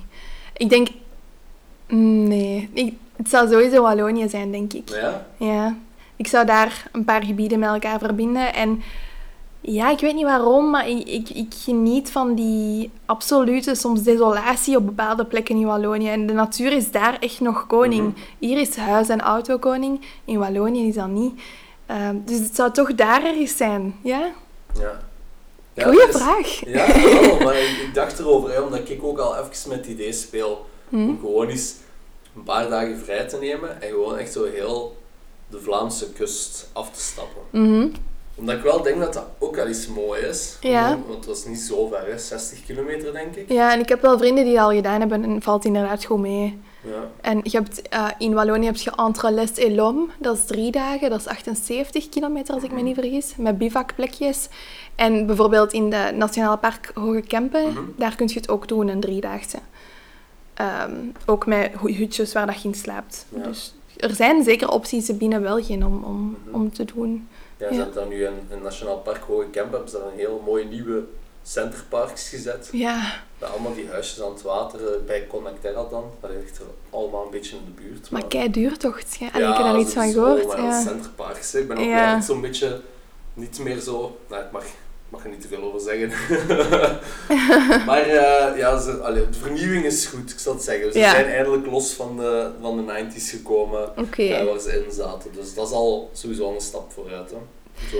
True, maar het is anderzijds, het was ook een kei mooi natuurgebied. En ik ben daar geweest toen Ja. dat ze daar die werken aan Ja, waren. En ik dan denk ik wel van, ah, why? Ze hebben Allee. ook zo'n heel sauna-complex en zo gezet. hè. Mm. Ik weet niet of dat van Centerparks is, dus eh, no hate voor Centerparks. Maar ehm, ja, een beetje jammer ook wel. Het is zo, ja, plus en min. Het is dat. En ik hoop echt gewoon keihard dat heel die trend dat mensen nu terug naar buiten gaan en dichter bij de natuur komen, dat dat niet gaat doorslagen op vlak van toerisme. En dat er dingen zoals centerparks, allee, inderdaad, niks tegen centerparks, dat mag daar zijn, maar dat dat niet zo het nieuwe ding Ja, gaat ja. worden. En dat ze de natuur ook gaan volzetten met al van die dingen. Want Ja, je ziet het wel meer en meer natuurlijk. hè. ja, Alle bijzondere slaaplocaties buiten hotels en, en bed and breakfast dit jaar, voor december denk ik, ja, moet je nergens niet meer proberen boeken. Hè. nee, allemaal volzet. Ja, Alles is zotte. vol. Schat in de markt, we moeten daarmee beginnen. Ja. Zo- Zo'n tipi of zo. Een paar, een paar bottinen om in te slapen. Ah, ja. Zo ja, dit is de opwandeltent. En dan bij mij zo, ja, ik weet het niet. iets, iets rijst erbij dus zo'n pot rijst op. Ja, maar dat zou kei goed. Ja, Maar het is zo en moet ik zo over nadenken. Ja, maar dat is zo'n een dunne lijn, want enerzijds is het goed dat veel meer mensen naar buiten komen en dat ze wel die connectie met de natuur opzoeken. Maar anderzijds moeten we ook echt zien dat we... Allee, de natuur heeft ook rechten en dat we die niet overbelasten. En ik denk dat dat een dunne lijn is waar we de komende jaren wel nog mee gaan moeten opletten, denk Ja, ik. dat is een beetje zo, ja, een balans die dat meer en meer uit balans aan het geraken is. Ja. Allee, zo is nooit goed, hè. Mhm. Behalve te Ja, huis tijdens, en tijdens, de, tijdens de pandemie hebben we het ook gezien in een aantal natuurgebieden, ook hier in Oost-Vlaanderen. Mhm. Want ik was toen eh, inderdaad een van de bloggers in de campagne van eh, Toerisme Scheldeland. Mhm. En ik was zo ook op een zondag met het wandelclubje naar eh, de Kalkische Meersen gegaan. Een heel mooi natuurgebied in de buurt van Wetteren. En daar zit zo van die eh Galloway-runderen. Oh, Maar het ding was dus dat er zoveel mensen tijdens die lockdown en tijdens de coronaperiode naar daar gingen, dat ze zeiden van ja, we moeten hier echt een stop op zetten, want de vogels kunnen niet meer rustig broeden. ja, dat is echt, hè. De koeien raken gestresseerd, beginnen dan ook een beetje agressief gedrag te vertonen naar mensen als je te dicht komt. Mhm. Wat ik ook begrijp, want ja, Tuurlijk, ja. er moet ook niet iemand bij u komen staan als jij je aan het douchen bent, bij wijze van spreken. Dan gaat je ook Nee. best agressief zijn, denk ik. Ja. Ehm, dus ja, zo van die zaken, ik snap het wel. Het is echt zo een ja, win-win situatie dat soms wel een beetje verstoord is. En ik heb dat soms met wandelingen die ik doe, dat ik denk van, zou ik dat wel delen? Mhm. Omdat... En dat heeft niks te maken met dat voor mezelf willen houden, maar dat heeft alles te maken met gewoon dat gebied te willen beschermen. En ja, het is echt die dunne, dunne, dunne grens tussen mensen in contact brengen met de natuur en de natuur beschermen. En ja, moeilijk. Echt super moeilijk. Hm. En het is waar, ja, veel, veel natuurgebieden hebben eh, de deuren gesloten, om het zo te zeggen, Mhm. tijdens corona, omdat er gewoon een overstroom van mensen was. Maar dat is ook het ding, dat mensen altijd naar de meest populaire dingen gaan. Ja. En niet echt gaan zoeken van, oké, maar wacht, ik moet niet allemaal met de sneeuw daar hoge venen. Er zijn ook andere bosgebieden waar ik sneeuw kan vinden, bijvoorbeeld. Ik denk dat daar ook nog heel veel werk ligt om ja, die verscheidenheid of zo te tonen. En dat je mensen dan wel kunt gaan verspreiden. Ja. ja, mensen kiezen natuurlijk ook altijd voor, voor zaken waar dat zij zien waar, dat, waar dat goed is. Hè? Mhm. En dat ze van horen van bij de bakker van oh, ik ben daar geweest. En dan oh, ik ga daar ook naartoe Ja. gaan. Mhm. Hè, vroeger ja, was zo, je kunt het een beetje vergelijken denk ik met zo eh, het commentaarvak bij HLN, dat ze zo commentaar geven, maar dan zo bij reisbrochures of bij reviews of zo. Al die websites, waar dat mensen hun mening geven. Ik denk dat mensen daar wel naar kijken. Tuurlijk. Mensen ja. van onze leeftijd gaat dat minder zijn, maar oudere mensen wel, denk ik. Ja, en ook als je typt wandeling België, ja, dit zijn de populairste wandelingen in België. En dan heb je echt ja, al die grote natuurgebieden. Uiteraard. Ja. Ja, er is veel meer dan dat. En ik snap dat als je allee, voor mij ook, dat is een ontzettende zoektocht geweest om te zoeken naar wandelgebieden. En waar vind ik unieke plekjes en rust. En ehm, om ook te beseffen dat niet alleen die grote kleppers de moeite zijn, maar ook de andere. Daar krap tijd in. En ik snap wel, als, je, ja, als het de eerste keer is dat je zo'n dingen doet, ja, je begint gewoon bij het makkelijkste. Wat logisch is, hè. Ehm, maar dus ja, we moeten Oké. wel nog iets... Denkt u dat IJsland daar ook mee te kampen heeft gehad in de afgelopen jaren? Met meer en meer eh, toerisme, meer en meer mensen? Ja, ik weet nog toen wij daar drie jaar geleden waren. ehm, ja, in IJsland wonen niet zoveel mensen. Hè? Ik denk 300.000, maar ik weet het nu echt niet zeker. Dus misschien Ja. zeg ik hier domme dingen, maar alleszins echt niet veel mensen. En als ik het me goed herinner, eh, hadden wij toen van iemand gehoord dat die jaarlijks 2,9 miljoen toeristen of zo hebben. Ja, Dat is kei veel meer. meer is dan, eh, Ah ja. dus, eh, En ehm, ja, ik, denk dat dat, dus, dat is ook voor hun, denk ik, een, een balans tussen ja, dat toerisme heb je enerzijds nodig om te leven en anderzijds ja, die natuur beschermen. Dus, eh, en ik vond eigenlijk zelfs nu, in een coronaperiode, en IJsland is heel streng geweest aan de grens, ehm, je moest volledig gevaccineerd zijn of je moest in quarantaine, dat er toch nog veel volk op die trail was. Ja. Ehm, dat is niet zo vaak gebeurd dat wij alleen liepen voor een lange periode. Er was altijd, allee, er was vaak wel iemand in zicht. Ehm, dus ja, ik denk wel dat die daarmee te kampen hebben. Ja. mhm. Hm. Ja, nu, die trail die jij in IJsland eh, gewandeld hebt, ehm, ging die ook langs zo van die populaire plaatsen, zoals bijvoorbeeld eh, dat neergestort vliegtuig? Nee, nee. Nee. Dus het ding met IJsland is, je hebt, ehm, dat is eigenlijk een, een eiland en je kunt de ringroad, dus helemaal ring rondrijden, letterlijk. En daar heb je die grote stopplekken, zoals dat vliegtuig. En dan nog ligt het vliegtuig op een uur wandelen van de weg. Ja. Ehm, maar al die grote kleppers, zoals de, de gijzers en de watervallen, die je daar eigenlijk... Maar dan heb je ook het binnenland. En dat is de Highlands eigenlijk. Mhm. Daar kun je niet in zonder een 4x4. Allee, of je moet echt wel al... Dat zijn allemaal van die gravel roads en off-roads. Dat is soms gevaarlijk voor een gewone auto om, om Ja. te rijden. Dus je geraakt daar niet Je zomaar. moet wel een beetje skills hebben. Ja, en het, het juiste gear ook gewoon. Ook, allee, ik, ik weet dat wij toen, we hadden een camper drie jaar geleden en wij reden gewoon op de ringroad. En er was een zo'n lavasteentje dat knetste tegen ons vooruit. En we hadden daar direct een barst in. Ja. Gelukkig hadden we een verzekering. Insurance. Ja. Eh, Het is het opvallend, het is al zo de tweede podcast waar het gaat over, over verzekeringen. Dus Is waar, ja. even over verzekeringen bellen voor zo een, spotje op einde. ja, inderdaad. Sponsored by. Eh, nee, maar dat is, allee, dat is wel belangrijk. Dat is ook een... een, een allee, je. Ja, ja, tuurlijk, Dat ja. gebeurde dan en wij-. Shit, direct gebeld naar die organisatie. Ah, don't worry. Ze, waren, allee, ze kenden dat probleem en ze hadden daar eigenlijk een soort van valsraam voor gezet. Ehm, dus de barst was niet in ons echte glas, maar in een ander soort. Ah ja, gelijk dat je zo een, een glazenke op je gsm plakt. Ja, zo. ah wel, maar dan voor een auto. Dus Ja. het was allemaal geen probleem. Chance. Ehm, maar dus ja, die offroads, eh, ja, daar geraakt je niet met gewone wagens. En dus de Highlands, waar dat wij gewandeld hebben, de Lagavegio-route, ehm, die wandelt eigenlijk van La- naar Lauger. Dat is Mhm. zo de riolietbergen en de kleuren die je zo ziet vaak op de... Allee, de foto's van IJsland zijn vaak daar. Dat zijn allemaal heuvels in verschillende kleuren. Daar is niks, alleen IJsland. Ja. Eh, van Landmannalager naar ehm Torsmork. En dat is eigenlijk een heel bossig gebied in IJsland, wat daar uitzonderlijk is, want in IJsland zijn er niet veel bomen. Ehm, en dat is een route van eh 55 kilometer, als ik me niet vergis. En je slaapt dan ondertussen in verschillende hutten.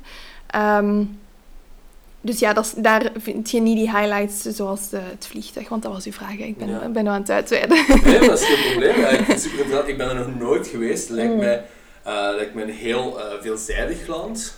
Prachtig. Prachtige natuur. Ja. Ehm, super, ja, moet ik het zeggen, uitdagend lijkt me dat ook. Want ja, het klimaat is er niet echt ja. stabiel. Hè? Nee, klopt. Dus het weer in IJsland Nee, kan echt tegenwoordig, maar... Nee, maar het weer in IJsland kan op vijf minuten omslaan. Mhm. Ehm, ja, je kunt vier seizoenen in één dag hebben. Je kunt 's ochtends opstaan, kei mooi weer hebben, zon. We hebben daar ook echt in onze, in onze, in onze gelopen, bij wijze Ja. van spreken. En dan een uur later kan het ineens kei veel mist zijn of sneeuw. Of, allee, dat is super, ehm, ja, hoe zeg je dat, Wissel, wispelturig. Ja, dus je hebt daar ook uh, safetravel.is, is echt zo een website en dat is echt zo iets waar constant het weer wordt bijgehouden. Je kunt je daar ook op inschrijven, dan krijg je sms'en.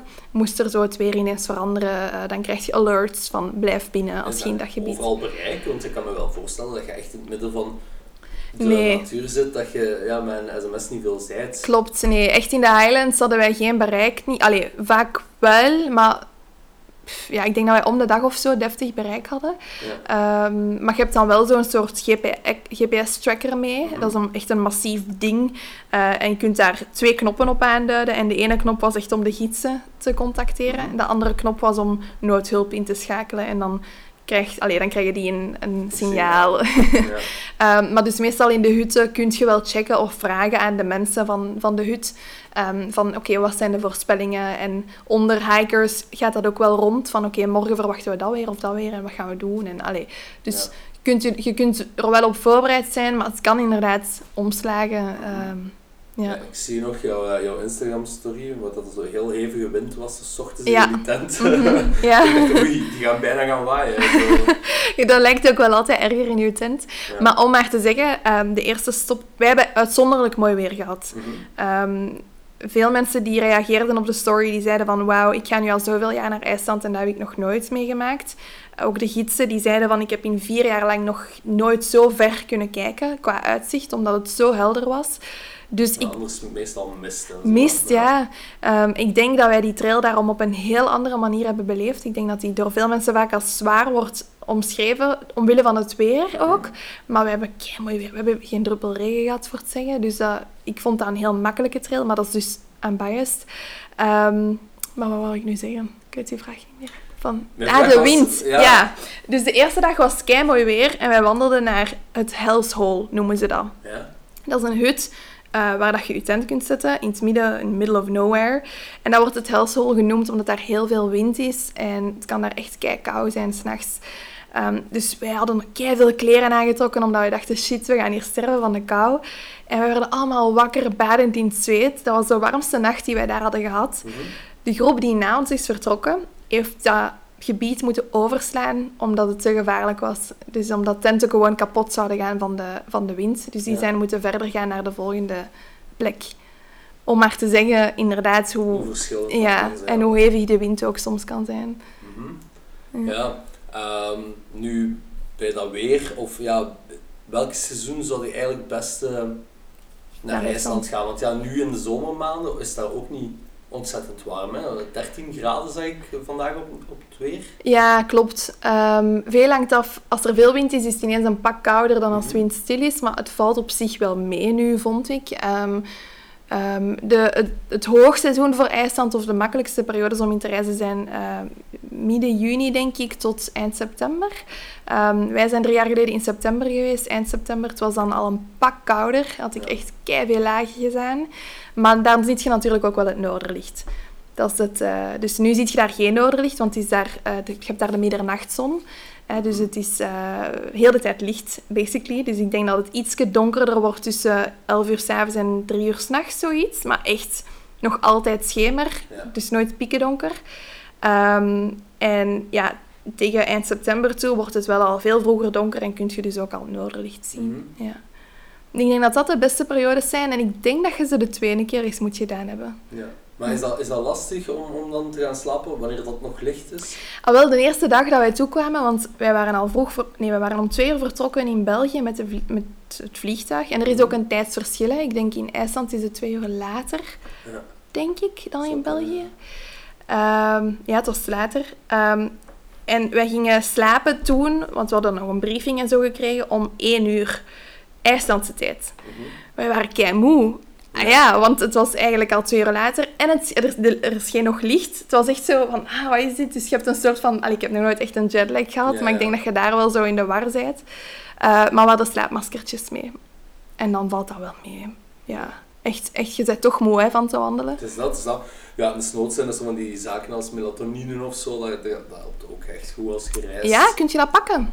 Dat Ja, wist ik niet. Haalt gewoon met de apotheek, dat is homeopathisch. Ah, En dat zorgt er eigenlijk voor dat je slaaphormoon een beetje ehm, gestimuleerd wordt. En dat je eigenlijk sneller, moeheid. ja, Snel, ja, sneller moe bent en dat dat toch een beetje op gang komt. Zo, Ja. Die vermoeidheid, dat, dat, dat je ook gewoon een, een diepere slaap hebt. Een aantal keer gebruikt tijdens reizen en ja, helpt ook echt goed Het is niet dat dat een slaapmedicatie is. Nee, maar ja, homeopathisch is altijd... Ah, goed om te dat weten. doet- doet wel goed, ja. Ja. Ik heb ook ergens in Vietnam gekocht, dus geen idee wat Ah, dat oei. is. Ja. Dat ik dat hier ben gaan halen bij de apotheek of zo. Gewoon ergens, ja, ja, in Vietnam dat gaan halen en ja, dat werkt. Het ruikt alleen naar echt zo van die mottige aardbeien fruitellas. Zo. Ah ja, weird. Niet Ja. zo fan van. Nee. Ja. Oké, maar ja, nu zijn we inderdaad even afgeweken. Ehm, ja, we zaten bij, bij het weer, hè, bij het weer in Ja. eh, IJsland. Ja, dat mag. water. Ehm, dus ja, het weer in IJsland is, eh, is sowieso verraderlijk. Eh, je zei ook net al van eh, eh, sowieso eens gaan, eh, eens gaan bekijken. Hè, een, eh, in de twee seizoenen, dat je Ja. ziet van eh, eh, hoe is dat in de zomermaanden, hoe is dat in de wintermaanden. Ja. Nu, je reizen die verschillen ook wel enorm. Hè? De eerste reis had je een camper, de tweede reis te voet. Ja. Als je je voorkeur mocht kiezen of mocht zeggen, wat zou je dan zeggen? Is dat toch die camper voor de makkelijkheid en misschien een beetje meer comfort? Of Ah, totaal andere reizen. Ja, kun je Ja, niet je kunt dat niet vergelijken. Ik denk dat, het- dat er heel veel magie zit in de combinatie van de twee. Mhm. Ehm, dus dat je een camper huurt en dat je de ringroad doet en dan de trail, of eerst de trail en dan de camper. En dat je gewoon wel de tijd neemt om op die manier heel IJsland in je op te nemen. Zo. Dus ik denk dat dat misschien wel ideaal is of zo. Ja. Mhm. Hm. Ehm, nu, IJsland, ehm, hoeveel eh, tijd vliegt je daar precies op? Eh, drie uur dertig ongeveer, als ik me niet vergis. Of drie uur kwart. Het is niet Ja. zo heel erg lang. Oké, dat is wel Mm. makkelijk. Ehm, zou je het eigenlijk aanraden om gewoon het zelf te plannen op je eentje? Of zeg je van ja, toch, als het je eerste keer IJsland is, zou ik toch er echt wel voor gaan om dat met een organisatie te doen, zoals dat jij nu gedaan hebt met de Iceland Trail. Ja. Ehm, Ehm, als het gaat over zo campertour, en dan zou ik sowieso zeggen, doe het op je eigen tempo. Ehm, ja, er is zoveel informatie online te vinden. Je begint gewoon aan de ene kant, je rijdt gewoon rond. Allee, de Ja. stops volgen, dat is dat heel... is. Ja, dat is echt super makkelijk. Dus allee, dat zou ik sowieso alleen doen. De trail is een dubbele. Het ding is, wij zijn mensen die altijd onze vakanties tot in de puntjes op voorhand plannen en zelf Mhm. voorbereiden. Nu was dat niet. Alles was voor ons gedaan. En dat heeft ons ook wel voor een groot stuk ontzorgd. Het enige wat we moesten doen was wandelen, eten, slapen en dat was het. De rest werd voor u geregeld. Je moest geen zorgen maken over vervoer of als je toekwam in zo'n hut dat je moest betalen om je tent te kunnen zetten en zo. Alles was gewoon geregeld. En ehm, je moest... Je stond 's ochtends op en je kreeg een briefing. Dus je wist, oké, vandaag moeten we een riviercrossing doen bijvoorbeeld. Ehm, we moeten op dat en dat en dat letten en het weer gaat zo zijn. Snapte? Dus het was Mhm. heel ontzorgend en gemakkelijk. En dat is wel iets wat dat we erg hebben geapprecieerd of zo. Omdat we dat nooit echt doen. Anderzijds zijn we ook wel ontzettend van mening dat de dingen die je zelf doet en ehm, ja, zelf het weer uitzoeken en weten van oké, wacht, morgen die etappe, dat en dat en dat moeten we doen, oké, we moeten daar meer... Als je dat zelf doet, dat dat ook een totaal andere ervaring is. Ehm, en ik denk, ik denk dat we dat ook leuker hadden gevonden, Mhm. omdat wij meer dat soort mensen zijn. Dus ik denk als je, ja, het hangt er een beetje vanaf van wat voor type persoon dat je bent. Als je geniet van het feit dat dat voor je geregeld is, ga dan met zo'n organisatie. Zit keigoed in elkaar, toffe mensen, toffe sfeer. Als je meer de avonturier bent, doe het dan alleen. Want het is echt wel te doen. Ja. Tussen haakjes, we hadden kei mooi weer. Dus ik weet het niet. Stel dat het nu keihard geregend en gesneeuwd had en storm, dan was ik misschien heel blij geweest dat daar een organisatie was en gidsen waar ik op beroep kon doen. Maar nu, in deze omstandigheden, ja, Ja, het is een beetje moeilijk om een lijn te vinden in het feit van, ja, ik neem mijn beslissing op basis van dit of dat. ja, Ja. het is Want het kan ook anders gaan en als de situatie ook een beetje verschilt. Voilà. En het heeft voor- en nadelen. Ehm, beide, beide opties hebben voor- en nadelen. En ik denk dat je ja, een beetje moet luisteren naar... Ik denk ook als het je eerste trail is en je hebt zo wat schrik en je weet niet of je het gaat kunnen, is het net heel fijn dat er gidsen zijn en dat dat... Het maakt avontuur ook wat toegankelijker voor mensen die denken dat ze het misschien niet kunnen of zo. Dus ja, ja, het is een keuze, maar beide kunnen, ja. Ja. Nu, eh, ja, IJsland, eh, het, heeft, het land heeft ook echt bekend gestaan ehm, voor de vulkaanuitbarstingen, Ah, hè, ja. zoveel jaar geleden. Zijn die nog altijd eh, actief? Wacht, ik denk Ik heb het niet opgezocht, hè. De Eyjafjallajökull of zoiets. De Eyjafjallajökull, klopt. Ja. Ehm, die is denk ik een paar jaar geleden eh, met die enorme Ja, dat echt het vliegverkeer weken Ja. lam eh, heeft gelegd. Ja, nu of die nog allemaal actief zijn, ik, ik denk dat er wel veel vulkanische activiteit is, maar ik zou niet kunnen zeggen van die wel Nee, of nee. die niet. Ja. Ik weet wel dat, er, dat wij gewandeld hebben langs de Kapla-vulkaan, als ik me niet vergis. En daar, dat is de vulkaan waar de IJslanders het meeste eh, bezorgd rond zijn, omdat die wel heel actief is. En van wat ik heb gehoord, zouden daar wel nogal giftige gassen uit kunnen komen. Maar, maar dus in de periode dat wij nu zijn gegaan, is er dus recent ook een uitbarsting geweest in IJsland. De naam van de vulkaan ontsnapt mij nu even. Maar daar kun je dus wel echt nog lava zien spuiten. Ja. Ehm, hebben we gemist. Met pijn in mijn hart. Wij reden langs die vulkaan, maar hoe dichter dat we kwamen, hoe dichter dat de mist werd. Mm. En ja, je, keuzes maken. ja, je kon nog geen 10 meter zien. En we hadden kunnen gaan, hè. We, we hadden kunnen gaan, maar de kans was zo klein dat we iets hadden gezien. En de dag erna, want wij, wij hadden onze vlucht om 6 uur s ochtends. En er waren mensen die langer bleven. En die zijn de dag erna gegaan en die hadden kei mooi zicht. Mm. Die hebben de lava gezien en wij niet. Ja. Er komen wel kansen in het leven, hè, denk Maar, ik. ah, wel, maar dat weet ik niet. Is dat niet once in a lifetime? Een vulkaan? Goh. Ja, ik weet dat niet. Als dat vulkanisch gebied is en dat komt om de zoveel jaar. Ja, misschien. Ja, ik heb er toch even spijt van gehad. Ja. Zie je zelf nog teruggaan nu naar IJsland opnieuw? Ja, Ja. sowieso. Sowieso, dat Gaat lang echt... duren of denk je gewoon... Denk je het niet? Ja. Raar, hè? Je kunt dat zo hebben met een land, hè? Dat dat Mhm. zo je helemaal overneemt. En de moment dat wij op de bus naar de luchthaven reden, zei ik tegen Pieter van... We gaan, we gaan echt nog eens terugkomen. En hij zei, ja, ja, we gaan nog eens terugkomen. Ik weet dat niet, dat is zo'n speciaal land. En wat je daar voelt van natuur en ook de mensen. Ehm, het is een totaal ander ritme, heel vriendelijk. Ehm, ehm, het is echt uniek. En je kunt dat pas ervaren, het gevoel dat ik daar heb gehad en nog andere mensen. Je moet daar geweest zijn en je Ja. moet die natuur gezien hebben. Ja, we gaan sowieso teruggaan. Ja. Ja, ik vind het altijd, eh, altijd grappig en beklijvend. Ik hoor hier dan zo... elke week komt er hier een gast bij mij zitten. Mhm. We hebben het elke keer over, over andere landen.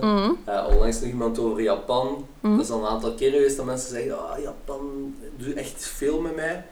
En dat ik dan denk van, oké, dat komt er dan ook bij op mijn Op lijstje, ja. maar ja, sowieso IJsland ook, eh, lijkt me ook echt al eh, echt heel mooi om te doen. En eh, ja. ja, die, allee, dat hiken en dat wandelen, ik doe dat ook wel echt graag. Ehm, bijvoorbeeld in Thailand, wat jij dan minder vond, heb ik ook echt een enorme, mooie, maar heftige hike gedaan. Ja. was eh, zo in ook een nationaal park. Mhm. Dan gingen we naar zo'n uitkijkpunt. En dat was eigenlijk drie kilometer stijgen in hoogte. Echt zo door, door bossen en zo. En eh, ja, het was echt heftig, want we hadden wel water mee, maar natuurlijk niet genoeg. Ja, amai. En na een uur en een half is je water op. En dan denk je van, fuck, Shit. ik, moet nog, ik moet nog lang terug. Dan sta je daar boven, echt met je kop in de wolken. Super mooi uitzicht. En dan moet je echt gaan genieten van dat moment. Mhm. Want dan eh, komt de travelblogger in mezelf naar boven, begint de foto's te maken. Mm. Oké, we moeten echt zien dat we hier een epic foto kunnen schieten. En dat was een Australiër bij mij. En hij begon dan zo, zij gooide zijn drone in de lucht, zijn gewoon beelden te maken. ik zei van, zet je ook even gewoon vijf minuten neer Mhm. en kijk, want dit, hier gaat je geen, waarschijnlijk geen tweede keer komen. Ja. En dat in u laten komen en dan terug naar beneden gaan. We moesten echt ons haasten om op tijd te zijn. Want als je niet voor een bepaald uur beneden waart, voordat het donker was, 7 uur s'avonds of zo, moest je een fee betalen, want toen kwamen ze zoeken. Oei, ja. dus, allee, ja. Eh, long story short, dat was echt een, eh, ook een hele mooie eh, hike. Dat je hebt gedaan, ja, Ja. ja, wauw. En dat is, wat je aanhaalt is mega, hè. Dat is de combi van inderdaad daar zijn als blogger en die content willen delen. En anderzijds mega hard die natuur in je opnemen. En dat is echt iets wat ik voor mezelf keihard probeer te bewaken en waar ik voor mezelf ook wel streng op ben. Van elke keer als ik een foto neem van iets, dan zet ik dat weg en dan kijk ik ook gewoon naar Ja. van waar heb ik een foto genomen en waarom. Waarom vind ik dat zo mooi en waarom spreekt me dat aan. Mhm. Ehm, en er was op een gegeven moment ook een plek waar dat we... Je komt dan toe in die camping en je doet een evening hike naar een uitzichtpunt. En dat was het mooiste wat ik ooit in mijn leven heb gezien. En je komt daartoe en de eerste tien minuten hebben wij foto's gepakt. Of, allee, pakt, oké, de eerste, het eerste half uur. maar dan hebben wij daar een half uur snel. Moeten eerlijk zijn. Maar ja, Yannick was dan ook mee. Van, soms ook hij mee met een drone en zo. Allee, zoals wat jij ook had. En ik zei tegen Pieter van... Ik ga hier nu gewoon even blijven zitten, zo. En dan zijn we daar een uur blijven zitten. Met twee gewoon. Een beetje kijken. Ik heb daar geweend toen. Omdat ik dat zo mooi vond, die natuur. En ja, de, de, de zon ging onder, dus was zo wat golden hour. En die riolietbergen, die veranderden allemaal van kleur. En ja, dat is wel echt belangrijk, denk ik, voor alle bloggers. En ik ben dan nog maar net of zo. Maar bewaak dat inderdaad, want. Dat is zo belangrijk dat je niet heel de tijd met die gsm en die camera bezig bent. Want dan verlies je de essentie Mhm. van reizen ook wel, denk ik. Ik denk dat zelfs bij niet-bloggers, zelfs bij Ja. gewone mensen die op reis zijn Mm, en die gewoon een socials willen doen voor, hè, voor de vrienden, denk Ja. ik dat ook wel vaak van. Stop, leg je gsm even weg. ja, Die 50 Instagram stories gaan het niet maken om te laten zien van oh, ik ben op reis. Dan dat je echt zelf die reis maakt voor jezelf. Want jij kunt er het meeste genot van hebben. Iemand anders gaat het nooit voelen voilà. zoals dat jij het voelt, denk ik. En ook plezier hebben in, want ik heb mijn fotoapparaat, ik vind dat geweldig. Ik vind dat leuk om die Ja. dingen te fotograferen en daarmee bezig te zijn. En, oh, een filmpje maken. En ik vind dat leuk, dus dat voelt niet als een opgave. Maar zelf los daarvan moet je inderdaad... Oké, wat heb ik nu net proberen capteren? En laat dat even binnenkomen, zo. Los van die camera. Ja. Wees uw eigen camera. Mhm. Zo. Ja, nee, dat, dat is inderdaad, dat is zo, zeker en vast. Ehm, nu, ja, wat, wat denk je nog in de... In, in IJsland gaat er nog veel gaan veranderen? Of denk je dat er weinig perspectief zit in een ander IJsland binnen dit en een paar jaar? Vind ik moeilijk om daar iets Ja? op te zeggen. Ik weet dat niet. Je hebt, er, je hebt er inderdaad maar, je hebt er maar één grote stad zeker, dat is de hoofdstad. Reykjavik, effectief. Reykjavik, En daar wonen ook de meeste van de mensen in IJsland wonen daar, of in de buurt van. Mhm. Ehm, m- grote stad, je bent daar op een namiddag door. Allee, Ja. niet als je musea en zo doet, Ja, maar als je daar gewoon doorwandelt... Dus, ik denk dat dat iets kleiner is zelf dan Leuven of zo. Mhm. Enfin, ik, ben echt maar wat dingen aan het zeggen, maar alleszins, het voelt totaal niet zo groot en je zit daar heel snel door. Ehm, gaat dat veranderen? Dat weet ik niet. Moeilijk? Ja. Ik hoop van niet. We zullen het zien, hè. Ja. Zullen jou binnen tien jaar nog eens, eh, nog eens als de podcast nog bestaat dan? Ja. Waarschijnlijk gaat er dan weer al 101 andere dingen zijn. Uh, Ehm, maar het zou nog eens vragen, ehm, ja, en dan bekijken of dat IJsland inderdaad veranderd, Veranderd is, op die, op die tien jaar. yes. Nu, eh, ja, sowieso, we gaan, eh, we gaan jou snel zien teruggaan naar, eh, naar IJsland. Het kl- het klinkt ook mooi, het was een super mooie reiservaring. Mm, Heb ik ook al die indruk. Ehm, ja, gaan mensen binnenkort jouw verhaal ook nog kunnen lezen op jouw blog? Ja, ik, ik heb nu dus nog geen blog. Ehm, maar bon, als we hier toch wat scoops weggeven, Ja. ik heb besloten om mijn ontslag te geven op mijn ehm, vaste job. Oké. Eh, en vanaf oktober ga ik in hoofdberoep ehm, voor een stuk op wandel. Hè, Mhm. omdat ik veel meer wil doen met dat wandelen. Ik voel dat ik mensen kan triggeren. Het idee is om eh, wandelcursussen op te zetten en ook hiking retreats te organiseren. Eh, dus ik samen met iemand die heel veel kennis heeft van hiking, om die twee te combineren. Zo het verbindende met de kennis van de natuur. Daar ga ik op inzetten. Anderzijds wil ik inderdaad zoveel mogelijk wandelreizen maken, ehm, content maken voor mensen eh, en ja, inspireren en motiveren. En anderzijds ga ik ook gewoon freelance eh, copywriting en contentcreatie doen voor, eh, voor anderen. Maar dus ja, er komt een blog in functie daarvan. Ik merk ook wel dat die 360 approach van oké, ik heb keihard geloofd in Instagram, ik heb al mijn eieren in die mand gelegd. Ik geloof ook wel in de kracht van microblogging en Mhm. short en snappy. En mensen onthouden het allemaal wel of zo. Maar je merkt toch dat ja, een blog hebben en een soort naastdagwerk waar dat je op terecht Ja. kunt. Ehm, niet alleen voor je volgers, maar ook voor toeristische diensten bijvoorbeeld, die dat ook wel belangrijk vinden dat Mhm. dat, dat er is. Ehm, TikTok en YouTube, al die dingen. eh, dus ik wil daar ook wat meer op toespitsen om al die kanalen wat te gaan benutten eh, en zoveel mogelijk content te maken. Ja. Oké, ja, worden, worden bijzondere tijden, een grote stap die dat je maakt. eh. Kei spannend. ja, Ja. super spannend denk ik. Ja. Wauw, oké, nee, maar eh, sowieso kan iedereen ook alle informatie over jou terugvinden eh, in de blogpost. Ja. Ja, we zijn ongeveer op het einde van de, van de podcast gekomen. Ik hoop dat je het leuk vond om bij mij te gast te zijn. Ja, keileuk. Als ik over wandelen mag praten, vind ik het altijd, altijd geweldig. Oké, Ja. voilà. En eh, ja, volgende keer eh, als wij gaan afspreken zal het zonder microfoon zijn. Moeten we gewoon eens samen gaan wandelen. hè. Yes, doen Dat we. hebben we nog niet gedaan. Nee. Dus, eh, laten we binnenkort daar, eens, daar eens op afspreken. En voilà, ja, dan zit je heel erg bedankt Ja, om mijn gast te zijn. Ja. En, Misschien ja. nog één ding wat ik er wil tussen smijten, hè, Ja. wat ik nog niet gezegd heb, en dan, dan ga ik u laten. Ah, nee, nee. Nee, nee. Zeg maar, Ja, ja. het ding misschien eh, met wandelen en wandelreizen is misschien anders dan de andere gasten die je hier al hebt gehad of zo, of met vliegtuigreizen. Als je wandelt en je leeft ook uit je backpack, alles gaat veel trager. Je moet gewoon, zoals ik al zeg, je hebt heel weinig keuzes. Je moet slapen, eten, wandelen, je tent opzetten, genieten van het uitzicht. Alles gaat veel simpeler en veel trager. Alles duurt ook langer. Je gaat naar het toilet gaan op een camping of op zo'n hut. Ja, je bent daar veel langer mee bezig dan naar het toilet gaan op een hotel. Eh, of je potje koken. Zo, het, de traagheid van wandelvakanties. ehm, ik denk dat dat iets is wat echt de moeite is om te ontdekken. Ja, Voilà, dat wou ik er nog zetten. Voilà. Super mooi om, Ja. eh, om mee af te sluiten. Super inspirerend ook.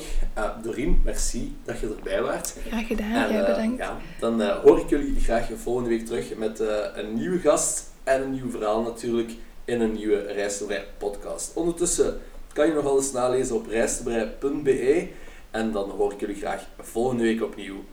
Bye bye!